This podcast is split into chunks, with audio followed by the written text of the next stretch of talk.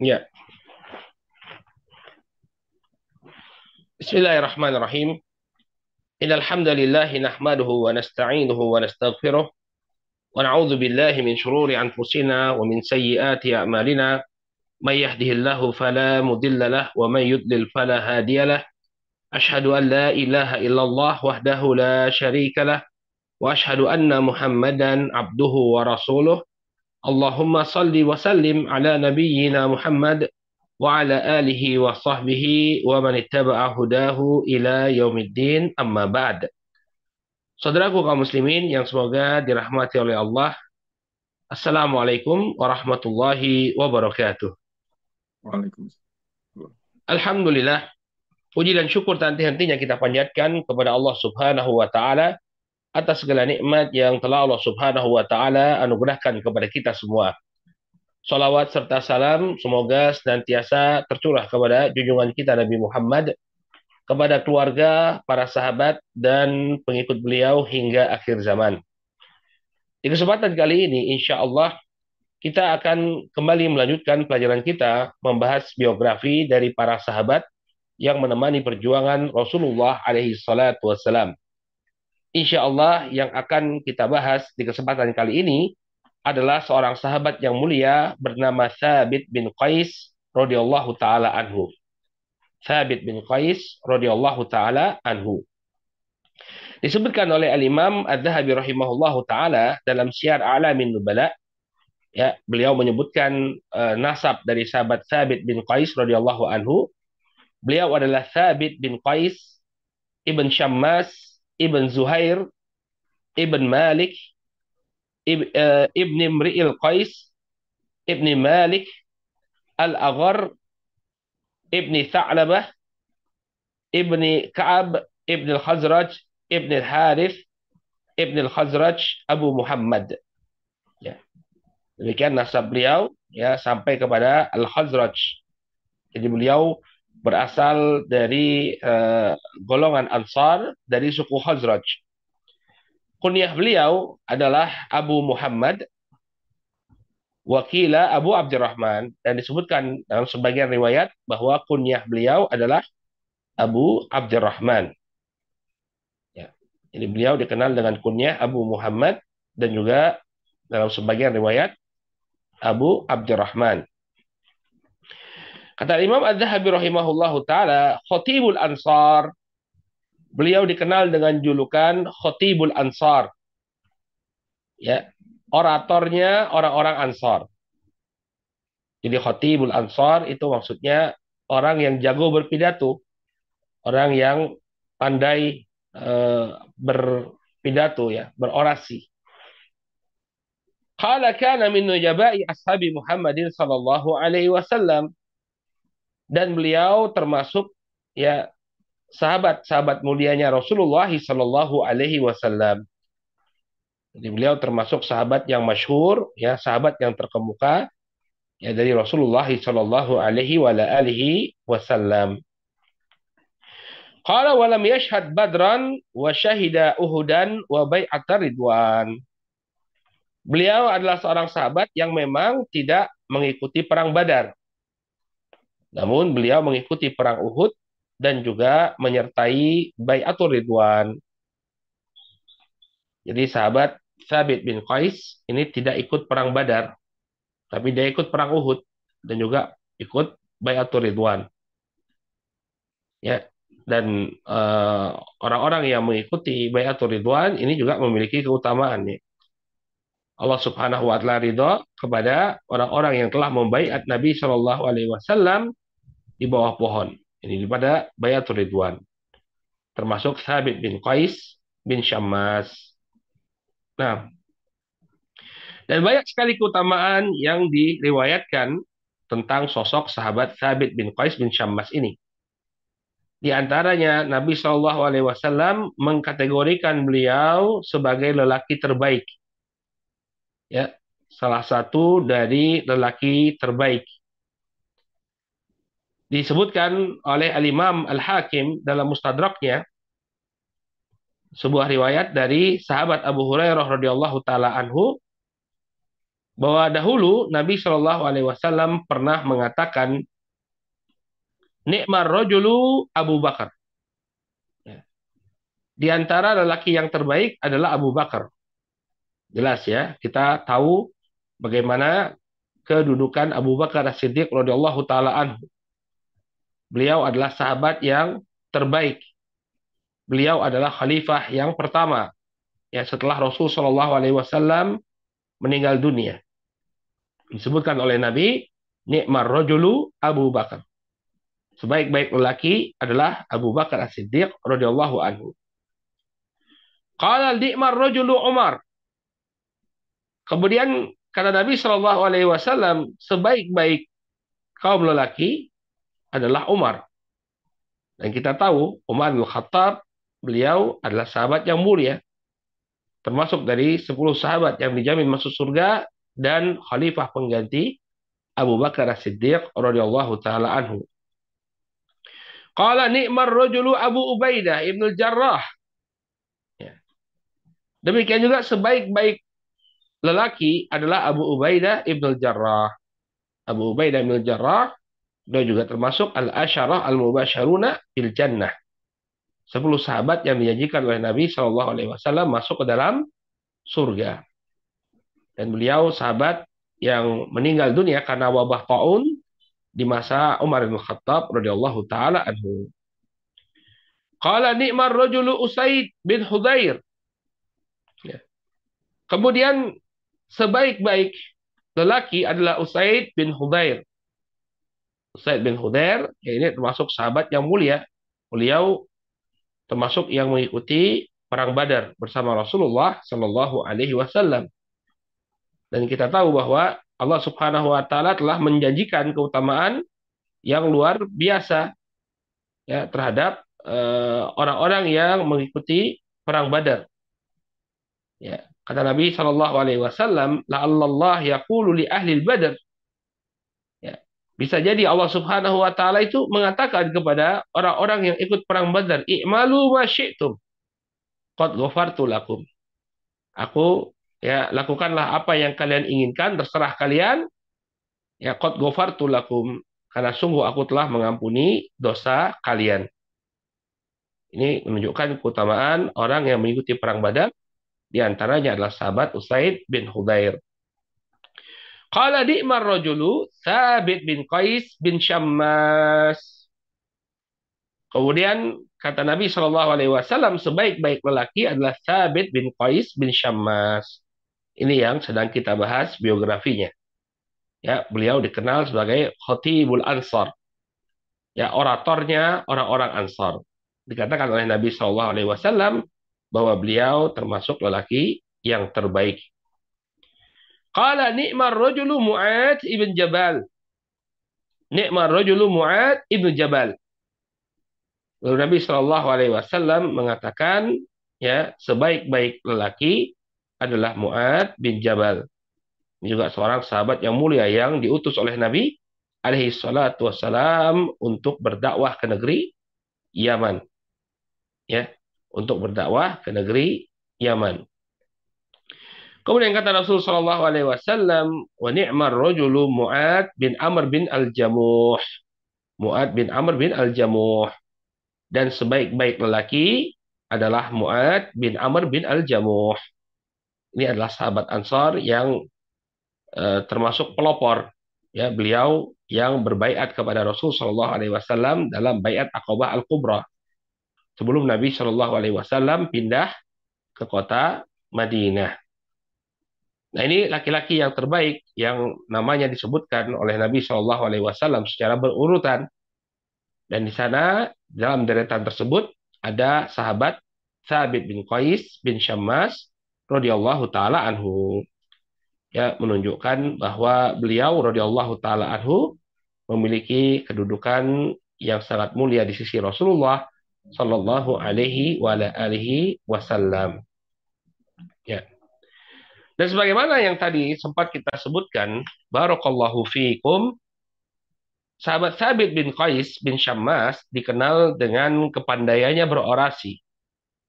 Beliau adalah seorang ahli sastra. Ya. mampu untuk merangkai kata-kata sehingga mempengaruhi hati manusia. Oleh karena itu terkadang Nabi Shallallahu Alaihi Wasallam menyuruh Thabit bin Qais bin Syammas ya untuk meladeni uh, orator-orator dari uh, musuh-musuh Islam atau orator-orator dari orang-orang yang datang kepada Rasulullah Shallallahu Alaihi Wasallam. Jadi perlu kita ketahui bahwa dahulu orang-orang Arab ya bahkan sampai sekarang ya mereka itu sangat uh, memperhatikan aspek kesastraan dalam pembicaraan mereka. Saat Anda berbicara, kemudian bisa merangkai kata-kata, bisa mengucapkan bait-bait syair yang memukau, maka kedudukan Anda akan tinggi di tengah-tengah bangsa Arab. Nah, Thabit bin Qais bin Syammas, dia punya keahlian untuk merangkai kata, berorasi di hadapan khalayak ramai. Disebutkan oleh Al-Imam Ibnu Hisham rahimahullah taala dalam sirahnya ini kisah bagaimana Rasul wasallam Rasulullah wasallam memerintahkan Thabit bin Qais bin Syammas untuk berpidato. Ya. Kata uh, Al-Imam Ibnu Hisham rahimahullahu taala uh, qala wa an zuhri disebutkan oleh Al-Imam Az-Zuhri anna wafda Tamim qadimu. Suatu ketika utusan dari Bani Tamim datang menghadap Rasul Shallallahu alaihi wasallam. Waftakhara khatibuhum bi umur. Kemudian orator mereka, juru orasi mereka, ya membangga-banggakan diri mereka di hadapan Rasulullah Shallallahu Alaihi Wasallam. Tadi sudah kita sebutkan ya bangsa Arab mereka punya juru-juru orasi, ya yang pandai berpidato, merangkai kata, sehingga membuat orang terpukau. Nah dia beraksi di hadapan Rasulullah Shallallahu Alaihi Wasallam dengan kepandaiannya berorasi tadi. Maka begitu melihat Banu Tamim ini, ya orangnya jago berorasi, kemudian uh, memukau hadirin yang ada di sekitar Nabi alaihi wasallam, maka apa yang dilakukan oleh Nabi Shallallahu alaihi wasallam? Beliau perintahkan sahabat Thabit bin Qais bin Syammas untuk meladeni ucapan orator tersebut. Faqala Nabi sallallahu alaihi wasallam ya di Thabit bin Qais. Maka Rasul Shallallahu Alaihi Wasallam mengatakan kepada sahabat Thabit bin Qais radhiyallahu anhu, "Qub faajib khatibahum." Bangkitlah engkau wahai Thabit dan ladeni orator mereka. Ya, balaslah ucapan orator mereka. Faqama fahamidallah wa ablaga fasurra Rasul sallallahu alaihi wasallam wal muslimun bimaqamihi. Maka kemudian kata Imam Az-Zuhri rahimahullahu taala, Sabit bin Qais pun bangkit. Kemudian dia memuji Allah Subhanahu wa taala dan menyampaikan orasinya. Ya, menyampaikan orasinya membalas uh, ucapan-ucapan uh, indah yang sebelumnya diucapkan oleh juru orasi dari Bani Tamim. Maka fasura Rasul sallallahu alaihi wasallam wal muslimun bimaqamihi. Maka senanglah Rasul SAW dan kaum muslimin. Mereka puas dengan apa yang dibalas oleh uh, sahabat Thabit bin Qais bin Syammas radhiyallahu taala anhu. Ya. Maka ini uh, dari sini kita bisa uh, mengambil sebuah pelajaran kaum muslimin yang dirahmati oleh Allah. Kadang uh, kita bisa membela dakwah ya dengan kemahiran kita berbahasa ya dengan kemahiran kita menulis misalnya ya eh, menjabarkan Islam ya lewat tulisan demikian juga menyampaikan eh, ucapan-ucapan yang baik ucapan-ucapan yang bisa menyentuh hati seseorang ya ini adalah salah satu metodologi dakwah yang menyampaikan dengan ucapan-ucapan yang baik ucapan-ucapan yang menggugah perasaan. Demikian juga kita uh, menulis artikel untuk membela Islam ya dengan tulisan yang indah, dengan tulisan yang apik, tulisan yang enak dibaca, tulisan yang mudah dipahami, maka ini adalah bentuk dakwah. Jadi dakwah itu bukan hanya Anda e, berceramah begitu saja, tapi Anda pergunakan kemampuan Anda berbahasa. Ya, kemampuan Anda berbahasa untuk kemudian menyampaikan dakwah kepada manusia atau mungkin membantah ya syubhat-syubhat, pemikiran-pemikiran yang menyimpang atau tuduhan-tuduhan yang salah kepada Islam. Itu semua merupakan wujud dakwah. Baik. Nah, kemudian eh, pernah juga Thabit bin Qais bin Syammas ini yang ditegur oleh Nabi alaihi salatu wassalam ya agar berhati-hati dalam menggunakan keahliannya dalam berbahasa. Karena sesungguhnya dalam ucapan-ucapan yang indah itu terdapat sihir.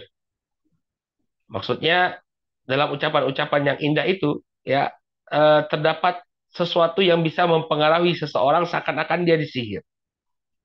Maka ada uh, ucapan ya, ada ungkapan ya bahwa kata-kata itu menyihir.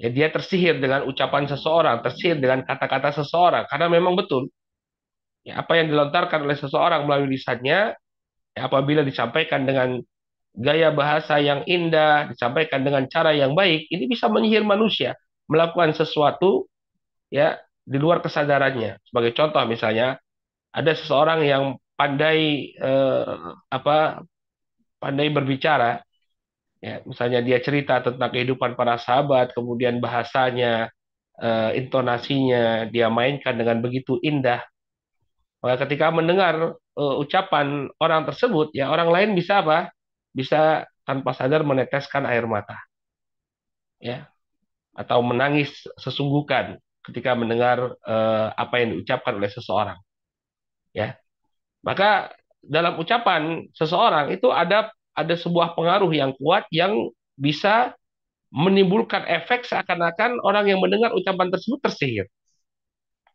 Mungkin kita uh, masih bisa me mendengar ya uh, sebagian rekaman pidato uh, Bung Tomo misalnya dalam peristiwa 10 November 1945 saat beliau menggerakkan para pemuda Indonesia untuk uh, melawan sekutu yang ketika itu menginginkan agar uh, rakyat Indonesia menyerahkan senjata-senjata mereka kepada pihak sekutu. Sampai sekarang kalau kita dengar rekamannya luar biasa itu hati kita seperti ingin ambil senjata ingin berperang waktu itu ya. Coba dengarkan, ada ada rekamannya di YouTube. Allahu Akbar, Allahu Akbar, Allahu Akbar. Ya, saudara-saudaraku. Wah ya, kita dengarkan ucapan Bung, Bung Tomo ketika itu. Ya. Maka memang ada orang-orang yang punya kemampuan untuk uh, menyihir dengan kata-katanya. Bukan menyihir dalam arti menyihir sesungguhnya, tidak. Tapi membuat orang melakukan sesuatu ya di luar kesadaran mereka. Menggerakkan manusia untuk melakukan sesuatu di luar kesadaran mereka. Maka uh, Nabi SAW mengingatkan ya termasuk kepada Thabit bin Qais radhiyallahu taala anhu. Disebutkan dalam sebuah hadis yang diriwayatkan oleh Al-Imam Abu Dawud rahimahullahu taala dari sahabat Abdullah bin Umar radhiyallahu taala anhuma beliau bercerita Qadima rajulani minal masyriqi khatibani ala ahdi Rasulullah sallallahu alaihi wasallam. Suatu ketika datang dua orang dari arah timur. Ini mungkin masih berkaitan juga dengan uh, hadis sebelumnya. Karena Bani Tamim itu datangnya dari uh, sebelah timur kota Madinah. Datang dua orang dari sebelah timur khotibani ala ahli Rasul Shallallahu alaihi wasallam sebagai uh, juru orasi ya sebagai dua orang juru orasi di masa Nabi Shallallahu alaihi wasallam. Faqama fatakallama thumma qa'ada maka kemudian kedua orang dua dua orang uh, dua orang ini dia uh, berdiri, kemudian berbicara dengan ucapannya yang indah, kemudian mereka pun duduk. Ya, jadi, jadi ini wallahu taala alam kemungkinan besar masih berkaitan dengan peristiwa sebelumnya. Jadi dua orang dari Banu Tamim datang kemudian berorasi di hadapan Rasul Shallallahu Alaihi Wasallam memuji-muji kaumnya di hadapan Rasul Alaihi Wasallam. Faqama Thabit bin Qais, khatibu Rasulullah sallallahu alaihi wasallam. Maka bangkitlah Thabit bin Qais dan beliau adalah oratornya Rasulullah sallallahu alaihi wasallam. Fatakallama. Kemudian dia pun mulai berorasi. Membalas orasi ya orang-orang dari uh, Bani Tamim tersebut. Jadi dia berorasi berpidato terkadang juga melantunkan bait-bait syair yang indah-indah. Ya kemudian setelah dia membalas uh, ucapan kedua juru orasi dari Banu Tamim tersebut thumma qa'ada dia pun duduk. Selesai dia dari orasinya. Fa'ajiban nasu min kalamihim. Maka manusia pun merasa takjub dengan ucapan mereka. Baik itu dengan ucapan dua orang juru orasi dari Bani Tamim demikian juga dengan ucapan Sabit bin Qais bin Syammas luar biasa indahnya ucapan-ucapan yang mereka sebutkan. Ya bagaimana mereka mengatur kata-kata rima demi rima. Yang demikian sulit ya ya apalagi di zaman sekarang. Ya sulit sekali. Kalau zaman dahulu subhanallah kita masih dapati orang-orang tua zaman dahulu mereka biasa bersyair dan berpantun terutama di daerah Melayu ya suku Melayu atau suku Minang. Mereka terbiasa dengan pantun saat mengantarkan eh, apa mempelai misalnya dalam acara pernikahan. Dulu waktu saya masih kecil sering melihat ada eh, orang tua orang tua yang menjadi perwakilan masing-masing keluarga ya ketika mengantarkan pengantin dan menyambut pengantin mereka berpantun terlebih dahulu. Ya jalan-jalan ke pasar baru misalnya sehingga sebentar membeli mangga. Ya eh, kami datang. Ah, pokoknya begitulah. Sulit sulit sekarang. Kalau nggak di konsep terlebih dahulu sulit. Tapi orang zaman dahulu mengalir dari lisan mereka saya pun terkadang melihat di YouTube ya, saya suka suka syair dan pantun. Saya suka melihat juga di YouTube itu ada ada pernikahan uh, Melayu ya dan Minang ya mereka beradu pantun itu tanpa teks ya Bapak dan Ibu rahimakumullah tanpa teks mengalir begitu saja. Nah ini kebiasaan uh, tradisi yang bagus sebenarnya yang menunjukkan uh, advance-nya mereka dalam dari sisi berbahasa bisa mengeluarkan kata-kata indah yang berima ya pantun itu kan berima AB-AB secara spontan tanpa mengkonsep terlebih dahulu. Maka demikian juga yang terjadi di hadapan para sahabat. Fa'ajiban nas. Mereka terkagum-kagum min kalamihim. Dengan ucapan para penyair tersebut, para orator tersebut. Faqama Nabi alaihi salatu wassalam. Ya. Maka kemudian Nabi Shallallahu alaihi wasallam mengingatkan. Ya ayuhan nas, kudu biqaulikum fa innama tashkikul kalam minasyaitan. Ya. Kemudian Nabi Shallallahu Alaihi Wasallam mengatakan, wahai sekalian manusia, ya ucapkanlah ucapan kalian, tapi hati-hati. Tashkikul kalam minasyaitan, ya ucapan-ucapan yang indah memanipulasi, ya itu datangnya dari syaitan.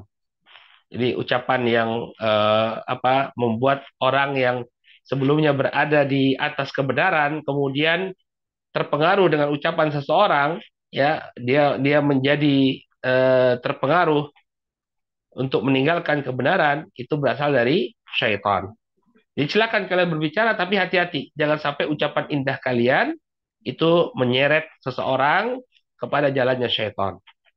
Begitu maksudnya Nabi alaihissalatu wassalam. Jadi Anda kalau memiliki kemampuan untuk eh, apa membuat kata-kata yang indah, jangan sampai kemudian ucapan tersebut dipakai untuk menyeret orang pada kebu keburukan.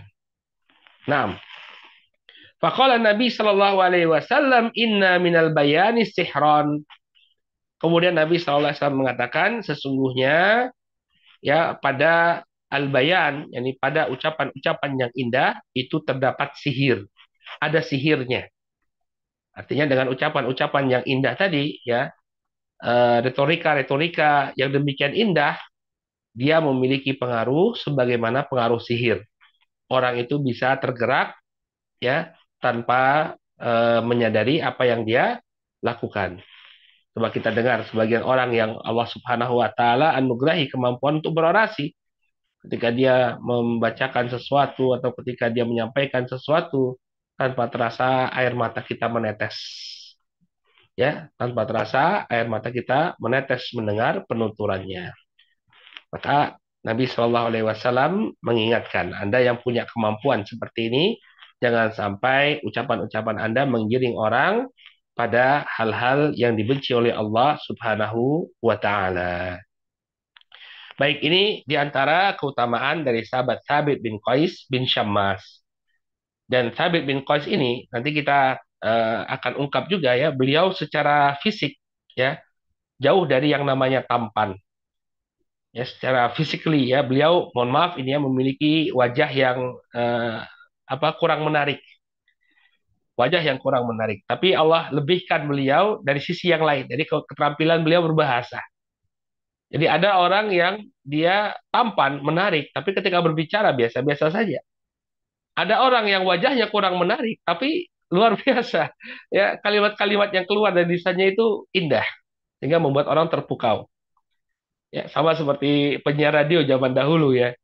Kadang-kadang kita tertipu dengan suara yang ada di eh, radio ketika mendengar Masya Allah kita bayangkan orang ini ya suaranya ngebas gagah banget ya Masya Allah ini ganteng banget orang nih kayaknya ya seperti seorang pendekar eh begitu ketemu aslinya ternyata jauh dari ekspektasi ya dan Sabit bin Sabit bin Qais bin Syammas ini uh, dia beliau tidak memiliki wajah yang tampan bahkan cenderung buruk rupa tapi itu tadi Allah Subhanahu wa taala berikan keutamaan kepada beliau dengan eh, ucapan-ucapan uh, yang indah dengan mudah meluncur dari lisan beliau radhiyallahu taala anhu. Baik. Kemudian di antara keutamaan Sabit bin Qais bin Chammas, beliau adalah sosok yang sangat takut dengan kesombongan. Ya, sangat takut dengan kesombongan. Ada sebuah cerita dari putra beliau Muhammad bin Sabit dalam Sahih Muslim. Ya, Eh, Muhammad bin Sabit mengatakan anna Sabit bin Qais qala Suatu ketika bapakku Sabit bin Qais mengatakan kepada Rasul sallallahu alaihi wasallam Ya Rasulullah inni akhsha an akuna qad halaktu yanhana Allah an nuhibba an nuhmad bima la naf'al wa ajiduni uhibbul hamd ya. Wahai Rasulullah Sesungguhnya aku mengkhawatirkan diriku akan binasa.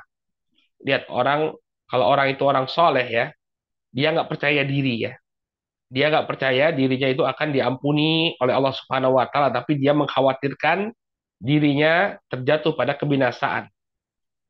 Ya, dirinya terjatuh pada kebinasaan.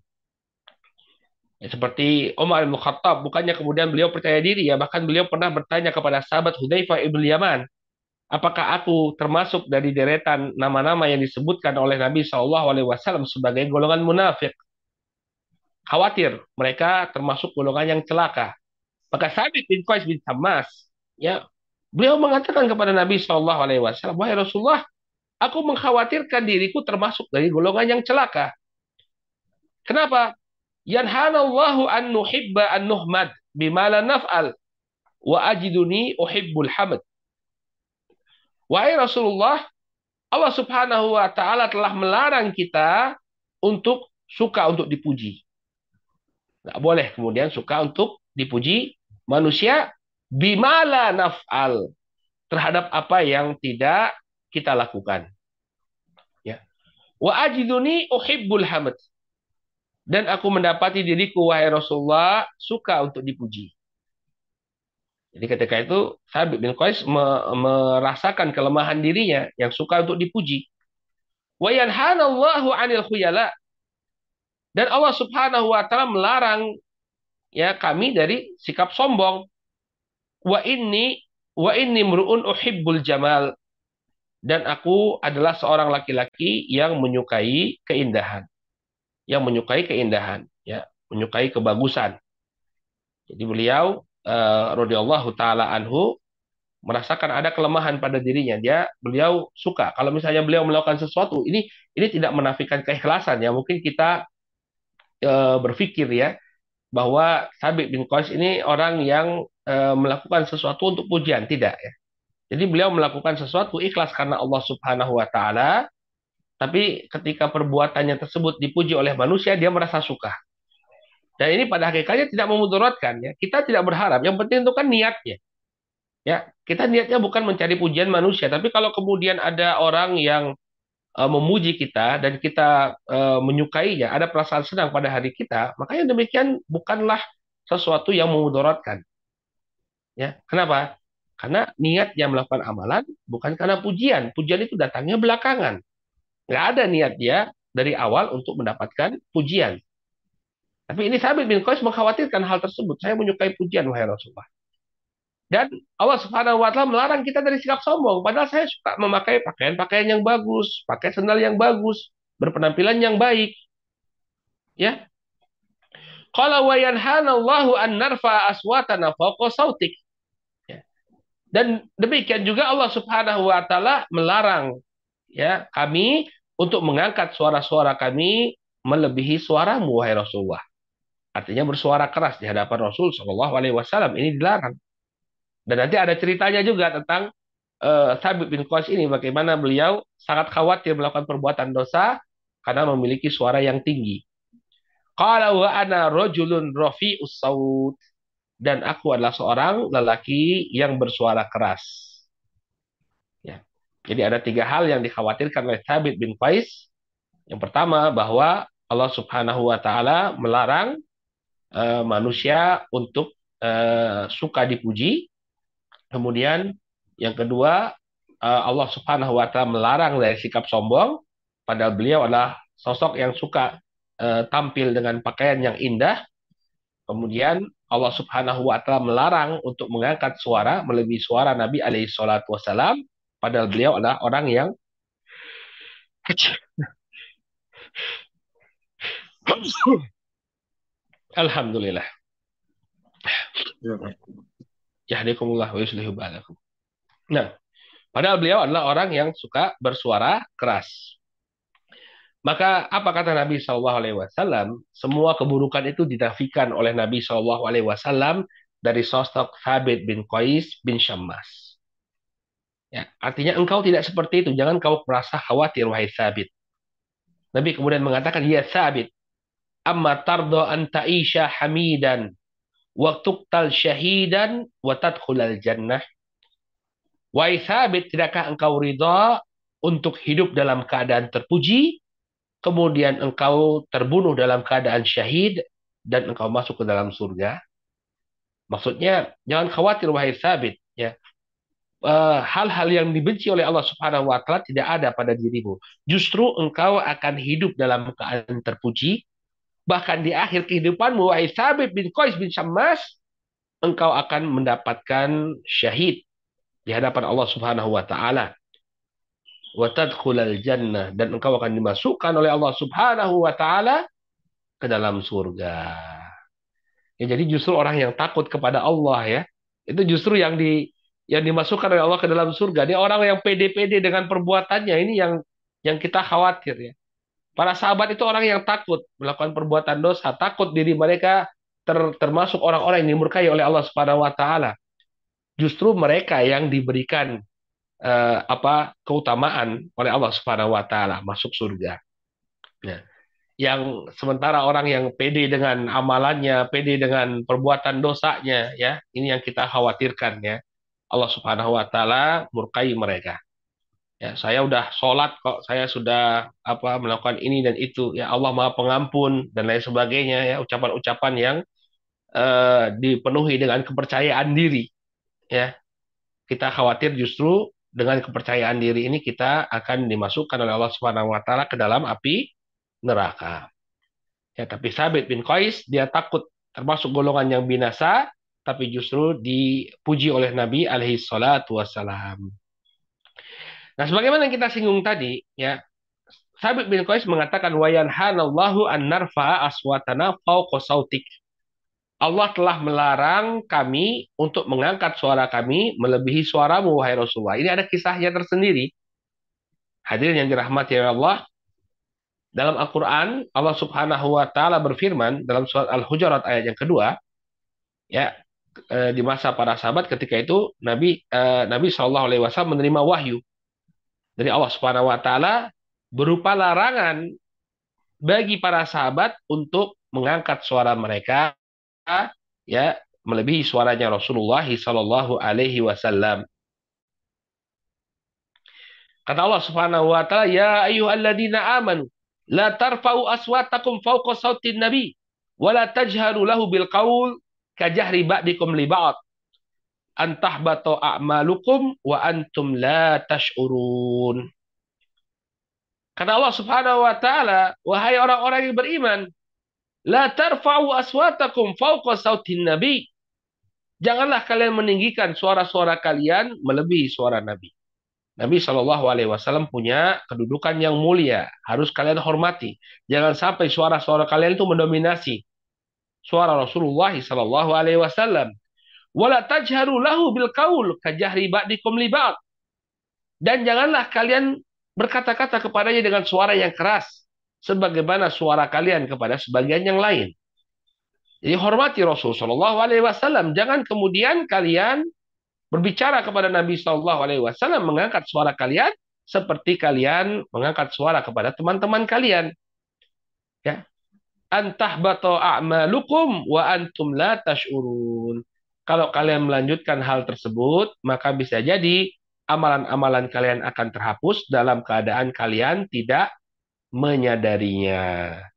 Ini peringatan kepada sebagian para sahabat yang suka bersuara tinggi di hadapan Rasulullah Shallallahu Alaihi Wasallam. Maka kemudian apa yang terjadi begitu ayat ini turun hadirin yang dirahmati oleh Allah, Sabit itu saking takutnya beliau termasuk kepada uh, apa yang disebutkan oleh Allah dalam ayat ini, beliau nggak mau ketemu Rasulullah, malu beliau, khawatir sekali, ya termasuk dari apa yang disebutkan oleh Allah Subhanahu wa taala. Maka uh, disebutkan oleh Al-Imam Al-Bukhari dan Muslim dari sahabat Anas bin Malik ya. Nabi itu sampai mencari-cari mana Sabit. Ini juga menunjukkan keutamaan Sabit bin Qais. Kenapa? Karena ketika sosoknya itu tidak ada di majelis, dia dicari oleh Rasulullah Shallallahu Alaihi Wasallam. Ya, mana Sabit? Kok nggak kelihatan? dikisahkan oleh Anas bin Malik radhiyallahu taala anhu Nabi sallallahu alaihi wa alihi wasallam ya iftaqada Thabit bin Qais. Suatu ketika Nabi sallallahu alaihi wasallam mencari-cari Thabit bin Qais. Mana? Thabit bin Qais? Subhanallah ya, ini menjadi figur menjadi sosok yang dicari oleh Rasulullah saja itu sudah satu keutamaan ya. Orang guru misalnya guru yang sangat kita cintai kemudian ketika kita tidak hadir dia tanya mana si fulan? Wah rasanya senang sekali kita berarti kita diperhatikan. Eksistensi kita itu uh, dijadikan apa uh, menjadi perhatian guru kita dari oleh Rasulullah keberadaan Thabit bin Qais mana si fulan ini mana Thabit bin Qais ini Faqala rajulun maka kemudian ada seorang dari sahabat mengatakan, "Ya Rasulullah, ana a'lamu laka ilmahu." Wahai Rasulullah, biarkan aku mencari informasi tentang dirinya. Ya, biarkan aku untuk mencari informasi bagimu tentang dirinya. Fa'atahu fawajadahu jalisan fi baitihi munakkisan ra'sah. Maka kemudian barakallahu fikum eh, sahabat tadi yang mencari Sabit bin Qais akhirnya mendapati Sabit bin Qais radhiyallahu taala anhu sedang duduk di rumahnya dalam keadaan menundukkan kepalanya. Ya, sedang termenung, menundukkan kepalanya. Faqala masya'nuk. Maka laki-laki tadi bertanya kepada Sabit bin Qais. Ada apa denganmu, wahai Sabit? Faqala syar. Ya, sungguh ke, keburukan ya keburukan telah terjadi pada diriku. Karena yarfa'u sautahu fauqa sauti Nabi sallallahu alaihi wasallam dan dia dulu punya kebiasaan meninggikan suara di hadapan Rasulullah sallallahu alaihi wasallam. Ya ini sebelum ayat itu turun ya. Jadi kan eh, para sahabat belum tahu bagaimana adab kepada Rasulullah. Jadi mereka mengangkat suaranya kepada Rasul Shallallahu Alaihi Wasallam, demikian juga e, berbicara kepada Nabi Shallallahu Alaihi Wasallam seperti mereka berbicara kepada teman-teman mereka. Ini belum tahu. Maka kemudian Thabit bin Qais merasa sangat bersalah dengan turunnya ayat tersebut. Faqad habita amaluhu wa huwa min ahli al-ard. Ya. Nah, kemudian dia dia katakan bahwa eh, dia merasa bahwa amalan-amalannya telah apa? telah ter, telah terhapus, ya. Maka kemudian fa'ata rajulu fa akhbarahu annahu qala kada wa kada. Maka laki-laki itu kembali kepada Nabi sallallahu alaihi wasallam lalu menghabarkan kepada Nabi sallallahu alaihi wasallam tentang apa yang terjadi. Ya. Maka kemudian uh, disebutkan oleh Anas bin Malik faraja al, al, al marrah al akhirah bi bisyaratin adimah faqala idhab ilaihi faqul lahu innaka lasta min ahli nar walakin min ahli jannah maka kemudian uh, laki-laki tersebut ya ketika menemui Nabi Shallallahu Alaihi Wasallam dia diberi kabar oleh Nabi Shallallahu Alaihi Wasallam idhab ilaih pergilah engkau temui Sabit ya fakullahu dan katakan kepada Sabit inna kalasta min ahli nar walakin min ahli jannah. Katakan kepadanya bahwa engkau tidaklah termasuk penghuni neraka tapi justru engkau termasuk penghuni surga. Ya. Artinya barakallahu fikum dia uh, orang yang menyalahi uh, yang menyadari kesalahannya kemudian berubah ya tentu dia tidak berdosa ya orang yang uh, mengetahui bahwa hal tersebut adalah keliru. Sebelumnya dia nggak tahu itu keliru, tapi kemudian uh, dia menyadari bahwa itu adalah sebuah kekeliruan, lalu dia tinggalkan perbuatan tersebut. Nah, uh, maka apa? Maka uh, tentu dia justru menjadi hamba yang baik di sisi Allah ya. Kita itu kan kalau nggak tahu sesuatu itu salah, tapi begitu dikasih tahu, eh ini nggak boleh, ini haram hukumnya maka kita tinggalkan perbuatan tersebut lalu kita bertobat kepada Allah. Bukankah itu suatu kebaikan? Maka bagaimana engkau bisa menyimpulkan dirimu termasuk penghuni api neraka padahal engkau telah menyesal dengan apa yang kau perbuat. Maka justru kata Nabi Shallallahu Alaihi Wasallam kabarkan kepada Sabit bin Qais bin Syammas ya bahwa dia termasuk penghuni surga bukan penghuni neraka. Nah, ya Baik, kemudian juga di antara uh, fragmen yang disebutkan berkaitan dengan Thabit bin Qais bin Syammas adalah kisah beliau dengan Juwairiyah istri Rasulullah Shallallahu Alaihi Wasallam.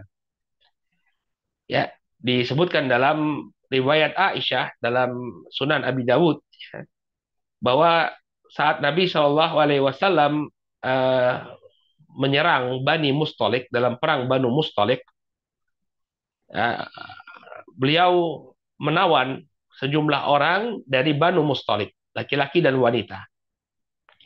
Dan ketika itu yang tertawan adalah Juwairiyah Ibnul Harith. Ya, putri dari pemimpin Banu Mustalik yang bernama Juwairiyah.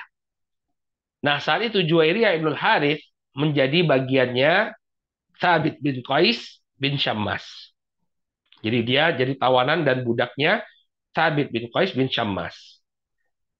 Nah, kemudian Juwairi adalah seorang wanita yang cerdas. Dia ingin membebaskan dirinya. Dia katakan kepada Thabit bin Qais, "Wahai Thabit, ya, aku ingin untuk membebaskan diriku." Ya. Akhirnya apa?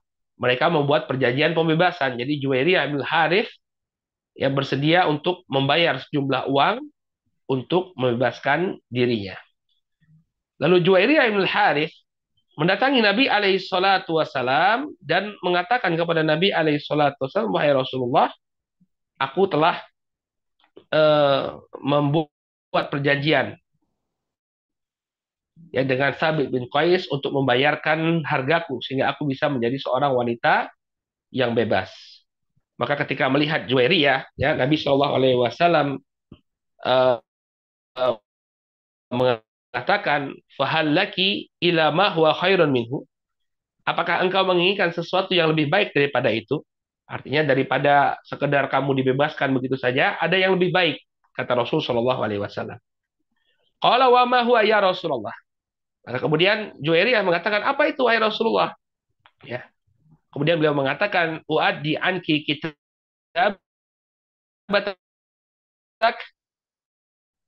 wa tazawajuki kebebasanmu, kemudian aku jadikan engkau istri. istriku. Artinya aku nikahi engkau.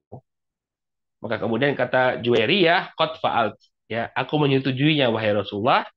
Maka kemudian Nabi Shallallahu alaihi wa alihi wasallam pun cemas membebaskan Juwairiyah dan menikahi Juwairiyah ibn Harith. Maka setelah Nabi alaihi salatu wasallam para sahabat merasa Juwairiyah sebagai tawanan mereka lantas membebaskan Bani Mustalik yang berada di tawanan mereka. Ya, jadi dibebaskan keluarganya Juwairiyah bin Harith. Kenapa? Karena mereka adalah sihru Nabi Shallallahu Alaihi Wasallam, asharun Nabi alaihi salatu wassalam, saudara-saudara iparnya Rasulullah Shallallahu Alaihi Wasallam, keluarga dari istri Rasulullah Shallallahu Alaihi Wasallam. Maka kata Aisyah radhiyallahu taala anha, fama ra'ayna mra'atan kanat a'zam barakatan ala qaumiha minha. Ya, kata Aisyah, kami belum pernah melihat ada seorang wanita yang uh, melebihi Juwairiyah Ibn al-Harith ya keberkahannya ya melebihi Juwairiyah Ibn al-Harith keberkahannya terhadap kaumnya.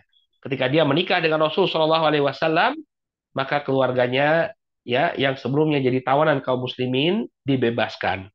Karena posisi Juwairiyah sebagai istri Nabi Shallallahu Alaihi Wasallam, maka karib kerabatnya diibaratkan sebagai ipar-iparnya Rasulullah Shallallahu Alaihi Wasallam. Kemudian di antara fragmen juga yang berkaitan dengan uh, Thabit bin Qais bin Syammas adalah kisah uh, hulu dari istri beliau. Jadi istri beliau itu meminta untuk bercerai ya dengan Thabit bin Qais. Dan perceraian tersebut bukan karena akhlak sabit yang buruk. Ya, beliau orang yang berakhlak mulia. Kita tadi bisa menilai sendiri bagaimana rasa takutnya kepada Allah Subhanahu wa taala. Namun terkadang barakallahu fikum ada saja faktor yang membuat orang itu tidak harmonis. Dijelaskan oleh para ulama di antaranya adalah uh, bin Qais ini uh, memiliki wajah yang buruk sehingga uh, istrinya tadi tidak tidak menyukai. Artinya tidak bisa untuk hidup bersama dengan Thabit bin Qais. Maka ketika tidak bisa untuk menjalani bahtera rumah tangga, ya boleh seorang wanita mengajukan hulu. Jadi dia mengajukan hulu kepada uh, suaminya, artinya permintaan cerai dari pihak istri itu namanya hulu.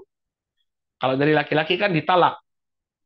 Maka dia meminta, uh, dia datang kepada Nabi Shallallahu Alaihi Wasallam kemudian berkonsultasi ya kepada Nabi Shallallahu Alaihi Wasallam tentang kondisi suaminya yang di mana dia tidak bisa tahan ya dengan uh, kondisi suaminya yang uh, mungkin tidak dia sukai ya penampilannya atau wajahnya maka dia datang kepada Nabi Shallallahu Alaihi Wasallam kemudian mengatakan ya Rasulullah Thabit bin Qais ma'atibu alaihi fi khuluqin waladin Wahai Rasulullah, Aku tidak mencela suamiku Sabit bin Qais dari sisi agama ataupun akhlaknya.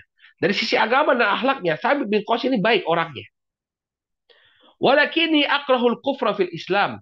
Akan tetapi aku mengkhawatirkan kekufuran dalam Islam. Artinya kufur tidak bisa menunaikan kewajibannya sebagai seorang istri. Ya, misalnya ketika ingin berhubungan, dia nggak nggak senang dengan uh, suaminya, dengan wajah suaminya, nggak bisa dia uh, menunaikan tugas dan kewajibannya sebagai istri yang baik. Maka ternyata uh, Nabi Shallallahu Alaihi Wasallam memberikan peluang kepada wanita tersebut. Artinya kalau memang kamu tidak bisa melanjutkan hubungan pernikahan ini, ya silakan engkau meminta perceraian. Faqala Rasul Shallallahu Alaihi Wasallam, ya ataruddina alaihi hadiqatahu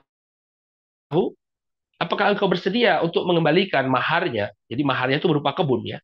Apakah engkau bersedia untuk mengembalikan kebun yang telah diberikan oleh Thabit bin Qais sebagai mahar kepadamu? Faqalat na'am. Maka wanita tadi mengatakan bersedia wahai Rasulullah.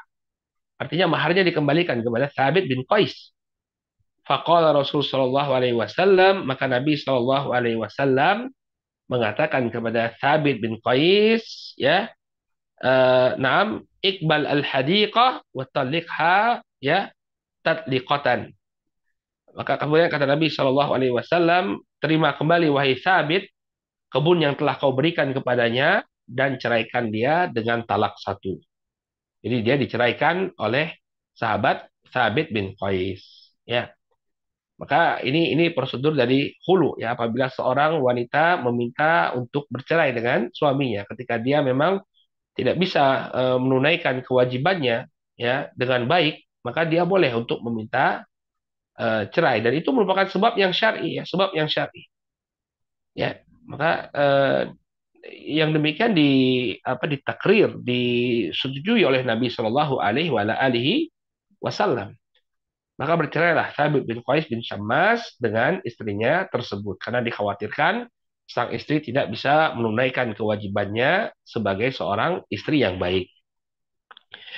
Kemudian yang terakhir barakallahu fikum ya di antara uh, keutamaan Thabit bin Qais ya sebagaimana yang tadi disebutkan di awal ya Nabi SAW mengkabarkan bahwa dia akan mati syahid. Kapan mati syahidnya? Ternyata beliau mati syahid sepeninggal Rasulullah alaihi salatu wasalam. Dan ini menunjukkan eh, kebenaran risalah Rasul Shallallahu Alaihi Wasallam bahwa beliau adalah benar-benar seorang Rasul. Kenapa? Karena apa yang beliau kabarkan itu benar-benar terjadi. Thabit bin Qais mati syahid. Ya, tadi di di di tengah-tengah uh, biografi beliau tadi kita sebutkan Nabi Shallallahu Alaihi Wasallam mengatakan tidakkah engkau ridho bahwa engkau akan mati syahid. Ternyata selama Nabi masih hidup, Thabit bin Qais masih hidup juga. Kapan dia mati syahid? Sepeninggal Rasulullah. Dalam peristiwa perang Yamamah. Saat Abu Bakar As-Siddiq memerintahkan kaum muslimin untuk memerangi Musailimah Al-Kadzab yang mengaku sebagai nabi. Dalam perang Yamamah, Thabit bin Qais mendapati syahidnya. Disebutkan oleh Anas bin Malik radhiyallahu taala anhu dalam riwayat yang eh, disebutkan oleh Al-Bukhari dalam sahihnya wa dzakara yaumal yamamah qala ata Anasun Thabit bin Qais Ketika itu Anas bin Malik mendatangi Thabit bin Qais. Waqad hasara an fakidaihi wa huwa yatahannat. Ya. Ketika itu uh, kedua pahanya tersingkap dalam keadaan dia sedang memakai uh, memakai wewangian. Jadi Thabit bin Qais dalam pertempuran dia menggunakan wewangian. Jadi sudah siap, seakan-akan sudah siap untuk meninggal dunia. Dia memakai wewangian. Faqala ya ammi ma yahbisuka an la taji. Kemudian kata Anas bin Malik, wahai paman, apa yang menghalangimu untuk ikut berperang? Qala al-an yabna akhi. Maka kemudian kata Sabit bin Qais kepada Anas bin Malik, sekarang aku akan maju ke medan pertempuran wahai keponakanku. Ya, sekarang aku akan maju ke medan pertempuran wahai keponakanku. Wa ja'ala yatanah ya yatahannatu yakni minal hanud. Ya. Thumma ja'a fajalas. Ya. Maka ketika itu dia pun menggunakan minyak wangi Kemudian setelah dia menggunakan minyak wangi, dia pun duduk. Fadzakara fil hadis inkishafan minan nas. Maka kemudian Anas bin Malik pun mengkabarkan kepada Thabit bin Qais bin Samas tentang apa yang terjadi dalam perang Yamamah. Itu terdesaknya kaum muslimin. Jadi di awal-awal pertempuran itu banyak sekali korban yang jatuh di antara kaum muslimin. Bahkan ada di antara mereka yang terpukul mundur dari medan pertempuran. Faqala hakadha an wujuhina hatta tudaribal qaum. Ya. Apakah mereka melakukan hal tersebut kata Thabit bin Qais? Ya. Ma hakadha kunna naf'al ma'a Rasulillah sallallahu alaihi wa alihi wasallam. Bukan seperti ini yang kami lakukan di masa Nabi alaihi salatu wasallam, mundur dari medan pertempuran, tidak. Kami tidak pernah melakukan hal yang seperti ini, mundur dari medan pertempuran di masa Nabi sallallahu alaihi wasallam ya. Bisa ma'awattum ya akronakum amat buruklah apa yang dilakukan atau apa yang kalian ambil dari musuh-musuh kalian. Ya. Jadi eh, apa kata apa Sabit bin Qais eh, bin Syammas alangkah buruknya apa yang kalian ambil dari musuh-musuh kalian. Jadi kebiasaan kalian untuk apa e, kabur dari medan pertempuran atau mundur dari medan pertempuran. Dalam riwayat yang lain disebutkan dalam Mustadrak Al-Hakim ya, Anna Thabit bin Qais ja'a yaumal yamamah faqad tahannat wa labisa thawbain abyadain. Ya, fakufina fihima. Bahwa Thabit bin Qais pada perang Yamamah ya, beliau telah melumuri minyak wangi pada tubuhnya. Kemudian dia pun menggunakan dua lembar pakaian yang berwarna putih. Jadi beliau menggunakan dua lembar pakaian yang berwarna putih. Fakufina fihima ya dan uh, beliau akhirnya nanti setelah beliau gugur mati syahid, beliau dikafani dengan menggunakan dua lembar pakaian berwarna putih tersebut. Waqadin hazamal kaum ya. Dan ketika itu kaum muslimin mereka terpukul mundur oleh musuh-musuh mereka. Faqala maka Thabit bin Qais yang ketika itu melihat kaum muslimin uh, terpukul mundur, beliau mengatakan Allahumma inni abra'u ilaika mimma ja'a bihi haula. Dia mengatakan, Ya Allah, sesungguhnya aku berlepas diri kepadamu dari apa yang mereka lakukan. Artinya aku berlepas diri dari apa yang dilakukan oleh kaum muslimin yang mereka tidak berupaya untuk uh, kokoh dalam medan pertempuran sehingga terpukul mundur oleh musuh-musuh mereka. Wa tadiru min sani'i haula dan aku meminta uzur kepadamu atas apa yang mereka lakukan. Artinya mungkin mereka punya uzur wahai uh, Robku, wahai Allah, ya Allah, mungkin mereka punya uzur dari apa yang mereka lakukan, namun uh, aku berlepas diri dari apa yang mereka lakukan. Qala khallu bainana wa bainahum sa'ah. Maka kemudian Sabit bin Qais mengatakan, ya, uh, menyingkirlah kalian, biarkan aku bertemu dengan musuh-musuhku. Fahamala, maka kemudian berkobarlah semangatnya Sabit bin Qais, faqatala hatta kutil maka dia pun berperang ya dengan penuh semangat dengan penuh uh, apa dengan penuh semangat hatta kutil. Sampai kemudian ya beliau pun meninggal dunia. Ya beliau meninggal dunia dalam perang Yamamah radhiyallahu taala anhu. Ya. Dan uh, ketika itu barakallahu fikum ya Sabit bin Qais memiliki sebuah baju besi. Dan beliau ingin agar baju besi ini dimanfaatkan. Namun saat beliau meninggal dunia, baju besinya ini ada yang mencuri. Diambil oleh orang tanpa hak. Maka eh, disebutkanlah ya karomah beliau, ini karomah beliau walaupun beliau telah meninggal dunia, ya beliau ingin sebenarnya agar baju besi tersebut dimanfaatkan. Tapi bagaimana kalau dicuri nggak bisa dimanfaatkan? Maka disebutkan eh, oleh Al-Imam uh, Al-Hakim tadi ya dalam riwayatnya Anas fakanat dir'uhu qad suriqat. Ketika itu baju besinya uh, Thabit bin Qais ini dicuri. Fara'ahu rajulun fi faqala innaha fi kidrin tahta ikaf. Kemudian ada orang yang bermimpi ketika itu ya. Kemudian mengatakan sesungguhnya baju besinya uh, Thabit bin Qais berada di dalam sebuah periuk yang disembunyikan di bawah pelana kuda atau pelana keledai. Ikaf itu kain yang biasa ditaruh di punggung hewan tunggangan. Jadi baju besinya uh, Thabit bin Qais itu ada di dalam sebuah periuk yang ditutupi oleh kain pelana. Bimakani kada wa kada di tempat yang demikian dan demikian. Ya. Qala wa bi wasaya. Kemudian dalam mimpinya tersebut Thabit bin Qais memberikan wasiat. Tolong nanti baju besiku ya mungkin di, dijual, kemudian uangnya dipergunakan untuk kebaikan. Jadi dia memberikan wasiat tentang baju besi tersebut. Fanadoru, maka para sahabat pun ya ketika ada salah seorang di antara mereka mendapatkan mimpi tersebut, mereka pun mencari baju besinya Sabit bin Qais, fawajadu dir'a kama qal wa anfadhu.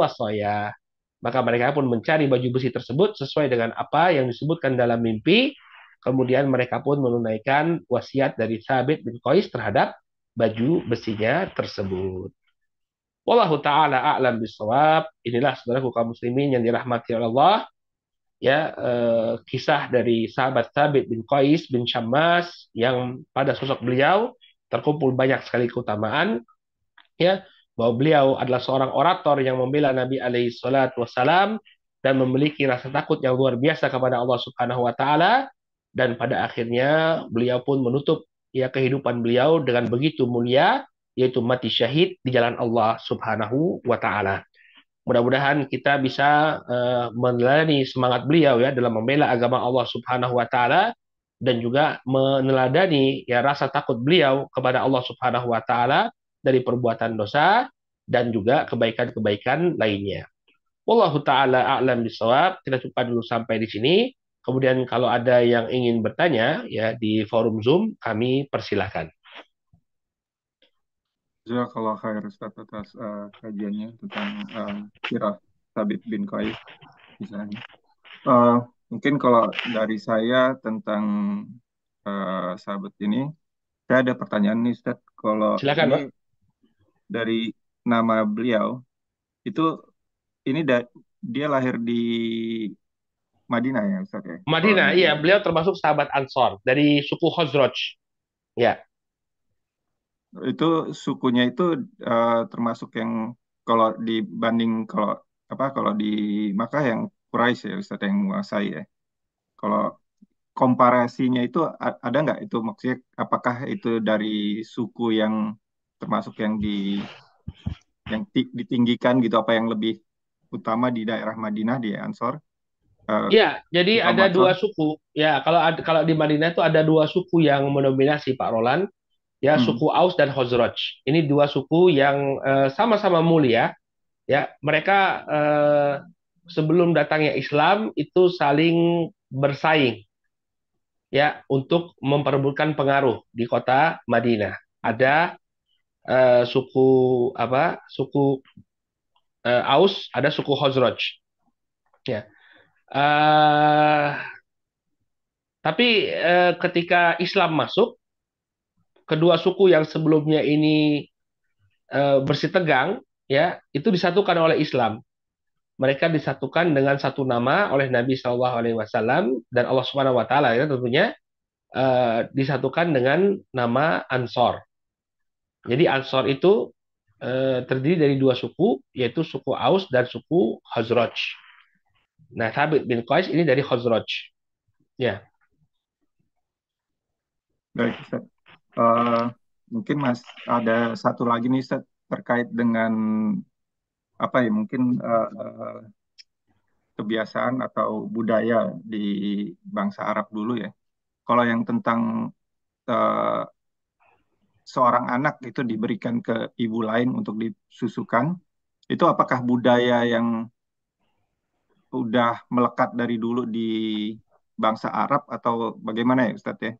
Kan kalau kita misalnya kita baca gitu, Nabi juga kan disusukan Susukan. oleh ya, dan itu juga um, kalau yang saya pernah baca juga bukan hanya oleh satu orang ibu, tapi masih sampai ada sembilan apa totalnya sepuluh sama uh, ibu kandung beliau. Begitu, Pak, it, apa itu uh, budayanya memang begitu dan tujuannya apa ya? Apa kira-kira bagaimana ya, Ustaz? Wallahu taala alam ya. Ya sepertinya seperti itu budaya mereka di masa dahulu ya.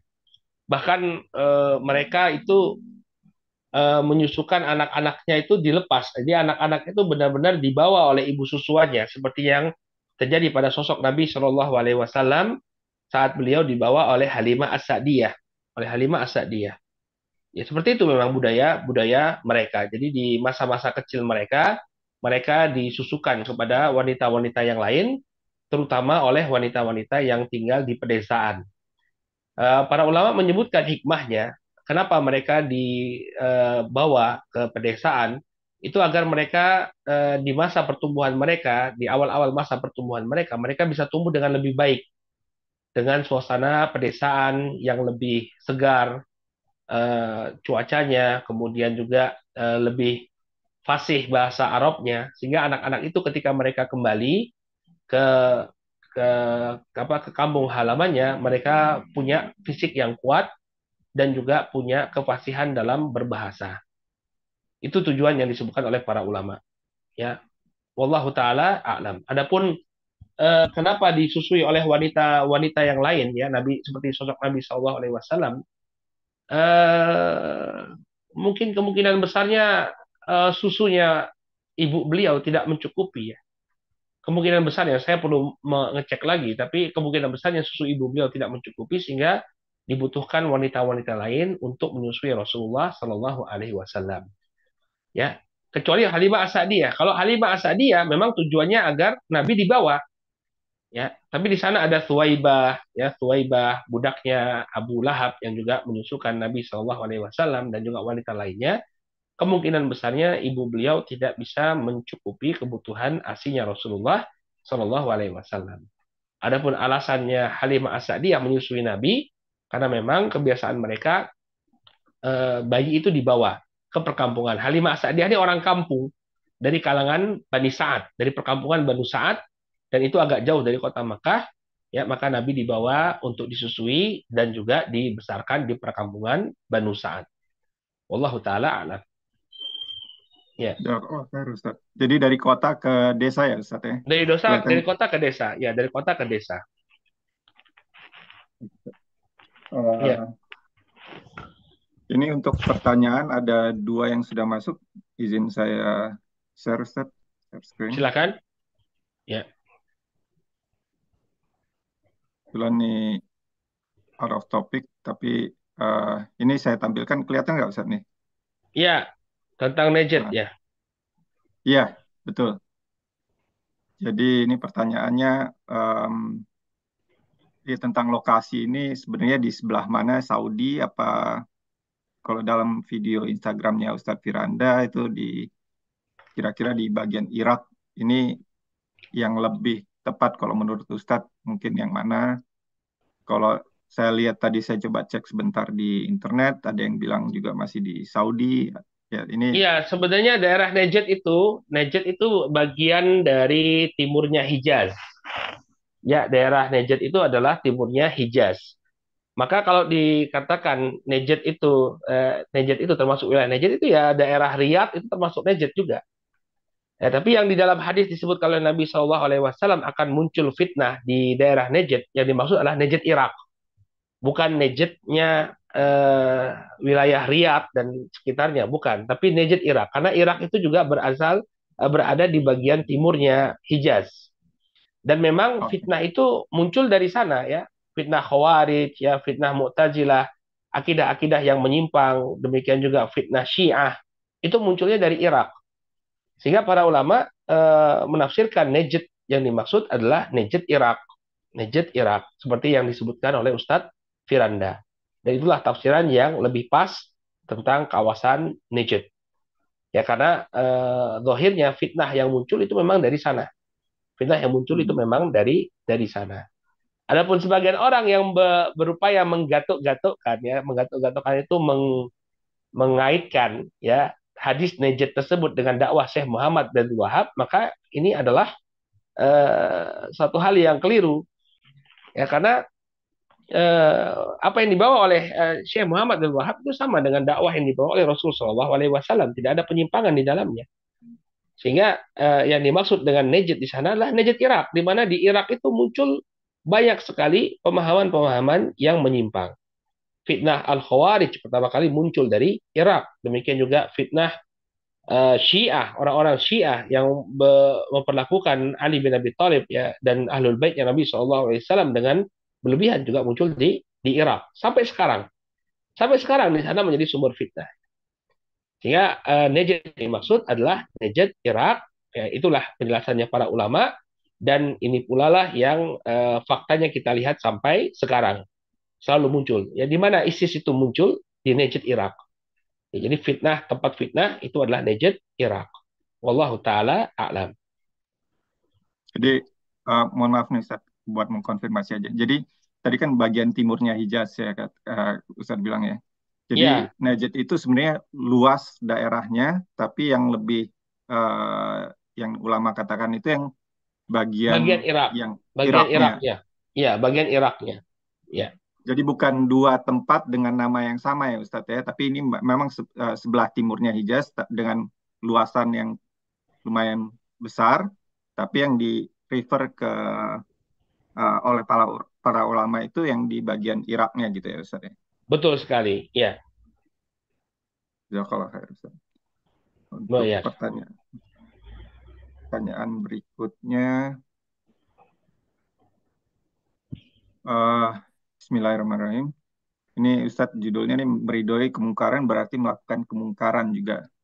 Ini ada penanya ada ketemu yang katanya hadis hadis riwayat Tabrani eh, yang artinya sungguhnya apabila seorang meridoi jalan hidup dan perbuatan orang lain berarti ia sama seperti orang tersebut.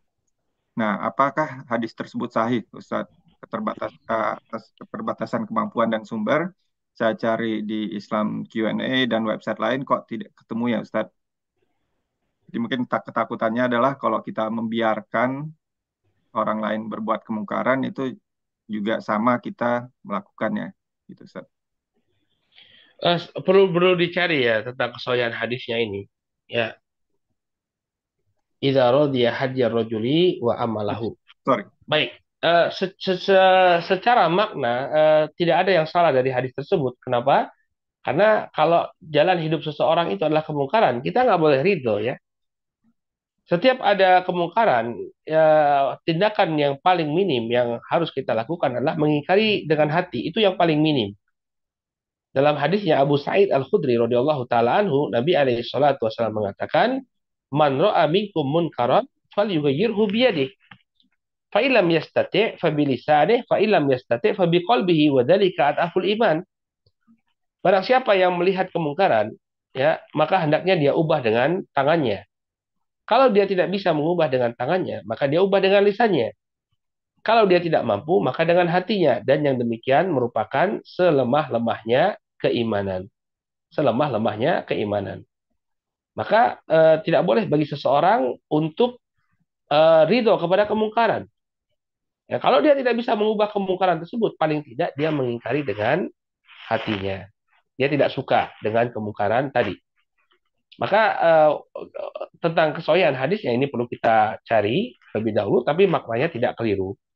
Ya, kita tidak boleh untuk eh, ridho kepada sebuah perbuatan maksiat atau sebuah eh, ya perbuatan perbuatan maksiat ya. Nah, ketika kita tidak mengingkari, ya bisa jadi kita mendapatkan dosa. Ya, bisa jadi kita mendapatkan dosa. Dan bahkan orang yang tidak mengingkari, dia terancam diberikan hukuman juga oleh Allah Subhanahu wa taala. Ya, di dalam eh, apa Al-Qur'an Allah mengatakan eh, wattaqu atau fattaqu eh, wattaqu fitnatan la tusibanna alladziina dzalamu minkum khassah. Takutlah kalian kepada fitnah yang tidak eh, hanya eh, didapatkan oleh orang-orang yang zalim saja. Orang yang tidak zalim pun dapat akibat dari eh, sebuah fitnah atau sebuah eh, kemungkaran. Kapan itu? Ketika mereka tidak mengingkari dan ridho kepada kemungkaran tersebut. Jadi secara makna apa yang disampaikan dalam hadis tersebut benar adanya, namun secara eh, sanad ya cukup mungkin. Baik, Halo? Eh, ya, Ustadz. Eh, ini agak lagging, eh, mohon maaf eh, di tempat saya. Ini mungkin kalau ada pertanyaan eh, yang mau ditanyakan langsung, ini kesempatan terakhir. Kalau tidak, ya mungkin kita bisa cukup cukupkan. Ini tadi juga saya sempat ada, tadi Ustadz bilang kan eh, sahabat Sabit bin Kais ini eh, ahli pidato ya Ustadz. Terus Ustadz bilang Iya. Eh, orang Indonesia itu juga suka berpantun. Ini ada ketemu pantun Hmm. juga nih Ustadz nih. Apa tuh? Ah, Bunga-bunga sangat indah, sungguh indah ada lebah. Jangan mencampur amal ibadah dengan musyrik ataupun bid'ah. Gitu. Masya Allah. ah, itu bagus, Masya Allah ya. Mat- Materinya bagus. Coba kalau pantun itu dia rimanya ABAB ya, ABAB. Kalau itu Ustaz. rimanya masih AAAA. Semuanya kan belakangnya H ya. Betul nggak? Iya, betul. Ya, belakangnya H. Ya, itu kalau dalam eh, sastra itu disebut syair. Kalau semuanya itu H. Kalau pantun itu dia ABAB. Misalnya AB-AB. eh, bunga-bunga bunga-bunga begitu indah ya Ya, eh, dilihat sungguh indah eh, eh, sungguh indah ada lebah. Menggetarkan hati. Nah, itu kan Oh, gitu. kalau tadi kan pakai haha semua. Ya, ya, Itu ya, ya. itu itu belum disebut pantun. Pantun itu dia AB-AB ya. Misalnya kita Habis, deh, habis. bunga-bunga sangat indah bila dilihat menggetarkan hati, ya. Kita diperintah beribadah kepada Allah dan hendaknya eh, Sepenuh hati gitu ya. Eh, apa sampai syirik melanda diri. Nah, misalnya hatinya diulang kurang indah itu. saya saya nggak bisa langsung keluar. Barakallah. Ya, Baik Ustadz, Eh, mungkin eh, baik. karena tidak ada yang bertanya langsung juga dan pertanyaan sudah masuk dan disampaikan, eh, mohon dibantu untuk ditutup Ustadz kajian kali ini. Baik, eh, saudara kaum muslimin yang dirahmati Allah, Alhamdulillah di kesempatan kali ini kita telah menyelesaikan biografi dari sahabat Sabit bin Qais bin Syammas, salah seorang eh, sahabat Rasulullah SAW. Mudah-mudahan kita bisa meneladani beliau dan juga kehadiran kita di majelis ini juga dihitung oleh Allah Subhanahu wa taala sebagai amalan kebaikan termasuk dari upaya kita untuk menuntut ilmu agama Allah ya dan mudah-mudahan Allah Subhanahu wa taala senantiasa menganugerahkan keistiqomahan kepada kita semua. Mari kita tutup dengan doa kafaratul majlis. Subhanakallahumma wa bihamdika asyhadu an la ilaha illa anta astaghfiruka wa atubu ilaik. Assalamualaikum warahmatullahi wabarakatuh. Waalaikumsalam warahmatullahi wabarakatuh. Eh, Afwan Ustadz, mungkin satu lagi kalau berkenan. Eh, Hmm? Ustadz kan tadi eh, kembali ke yang umroh, baru balik dari umroh. Kalau Ustadz eh, terakhir Ya, ke ke Yerusalem, eh, ke Al-Aqsa kapan Ustadz? At- saya belum pernah ke Al-Aqsa. Belum pernah. Oh belum pernah. Ada ada rencana juga kah? Kalau itu mungkin tolong di eh, share infonya Ustadz. Nah, Kalau belum belum ada sampai sekarang. Terus saya mau ke Turki. Eh, nanti juga ada hubungannya juga dengan kajian kita di akhir bulan Januari itu justru ke Turki ya. Jadi oh jamaahnya Turki. dimampirkan ke Turki terlebih dahulu. Untuk Al-Aqsa, wallahu taala alam ini setelah 7 Oktober eh, gimana perkembangannya saya belum tahu. Apakah masih bisa ke Al-Aqsa atau dibatasi? Ya, Baik. Jazakallah khair. cukup ya. Alhamdulillah. Ya, Ustaz, Alhamdulillah alamin. Jazakallah khair Ustaz atas waktu dan ilmunya. Semoga kajian kali ini bermanfaat bagi kita semua. Dan untuk menyimak kembali kajian kali ini dan kajian-kajian sebelumnya, silahkan kunjungi channel YouTube kami di channel Rumah Dakwah UK ataupun lewat platform RSS, Apple maupun Go- Google Podcast. Kami dari panitia mohon maaf jika ada kekurangan dan kesalahan. Barakallahu fikum. Wassalamualaikum warahmatullahi wabarakatuh. Waalaikumsalam warahmatullahi